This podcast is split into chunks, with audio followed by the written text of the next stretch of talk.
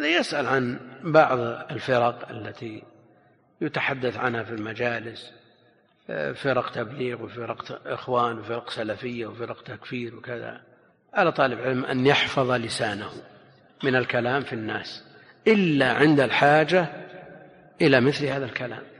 على طالب علم أن يحفظ لسانه من الكلام في الناس إلا عند الحاجة إلى مثل هذا الكلام.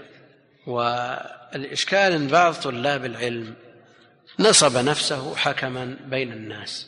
عنده خير عنده فضل عنده آه، نوافل عنده أعمال كما جاء في الحديث أمثال الجبال صلاة وصيام وحج وصلة وطلب علم ثم بعد ذلك إذا جلس في المجالس وزع فلان قال وفلان قال وفلانة قالت والعالم الفلاني أفتى والفرقة الفلانية كذا.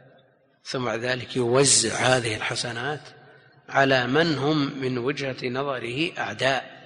ولو كان يحبهم ما تكلم فيهم. ثم حينئذ يقع في الحديث الصحيح وهو لا يشعر. أتدرون من المفلس؟ قلنا المفلس من لا درهم له ولا متاع.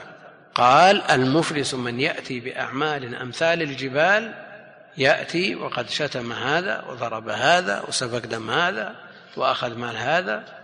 ثم يأخذ لهذا من حسناته ولهذا من حسناته ولهذا من فإذا فنيت حسناته قبل أن يقضى ما عليه أخذ من سيئات فألقيت عليه فطرح في النار.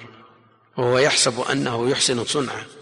الكلام في هذه الفرق متروك لأهل العلم.